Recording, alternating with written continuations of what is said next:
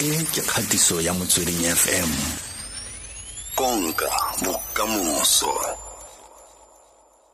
Good evening, KB. How are you? I'm all right. Uh, we are so locked up, it's not funny anymore. Eish. yeah. It's been a while, hasn't it? It's been a while, but uh, I think uh, we shall overcome. It shall pass. Yeah, it's important for the country, so we, we just got to grit and get on with it. Yeah, we recently saw uh, that uh, because of COVID 19, SA Rugby started an education, a coaching educational program uh, that is online. Just, just tell us more about that. Yes, um, we uh, we had a plan. Our, our training and education department uh, was going to start um, doing online uh, web um, training and coaching sessions, but that was um, speeded up by the lockdown. So um, last week on um, uh, on Wednesday and then um, the previous Friday, there were sessions um, with two of our two of our national coaching panel with um, school teachers. Um, for an hour long, there was a sort of a 40-minute um, training session um, using online technology, and then a sort of 20-minute interactive um, Q&A session with with uh, school rugby coaches around the country. So it's being done um, by Deon Davids, who's the uh, uh, forwards coach for the Springboks, um, Ashley Everett, who's one of the coaching teams with the sevens team, and then Rassie Erasmus, uh, Jacques Nienaber, and Mzwandile Stick, and the other coaches over the coming weeks. They'll also be doing online coaching um, to just up, upskill uh, local coaches who are very excited, want to get out there now and, and do some training and do some coaching with their schoolboys. Uh, what's, what's your main objective of including the schools in this main program?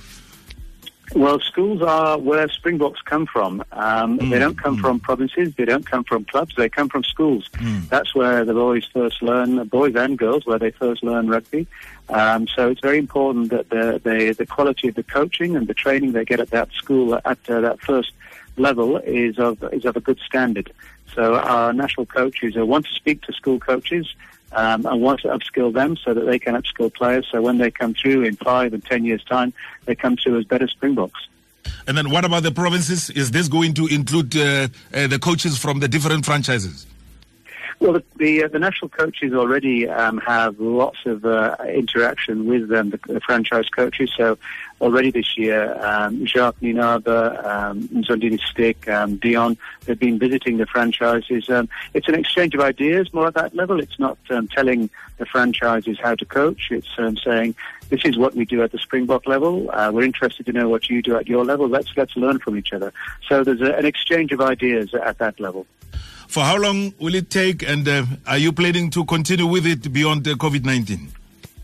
Um, certainly will be, yeah. The, uh, the sessions will go on beyond um, COVID-19. I think what this has done, though, it's given us uh, the freedom and the time of our national coaches to also become involved. So uh, we're taking the gap, taking the opportunity. We might all be locked in behind closed doors, but the game goes on. Uh, lots of planning, uh, lots of coaching, lots of talking, lots of um, preparations for the coming uh, the coming season. Once the president um, says we can begin to relax these regulations and get back on the field.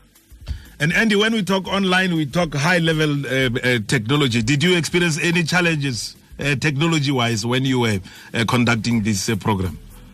Uh, Katie, I would be lying if I said I, I knew I wasn't on the calls, but um, I did get uh, the feedback that there have been lots of uh, WhatsApp messages and emails following the sessions to say how much they've been appreciated. So I'm sure we all know that when you go on a mm. on an online conference call, there will be glitches. People will drop out and come back in. But I think um, I think it's proving itself a, a, decent technology, a technology that will improve, and that one that uh, in times like this we've got to make the best of. Andy, thank you very much uh, for talking to us. We are also doing our best during COVID 19.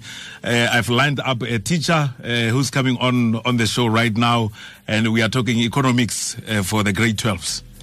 Oh, we all need that, don't we, now? Yeah, very hectic, eh? Yeah, very, very appropriate. okay, Andy, good evening. Thanks, Katie. Thank Goodbye. you. Thank you.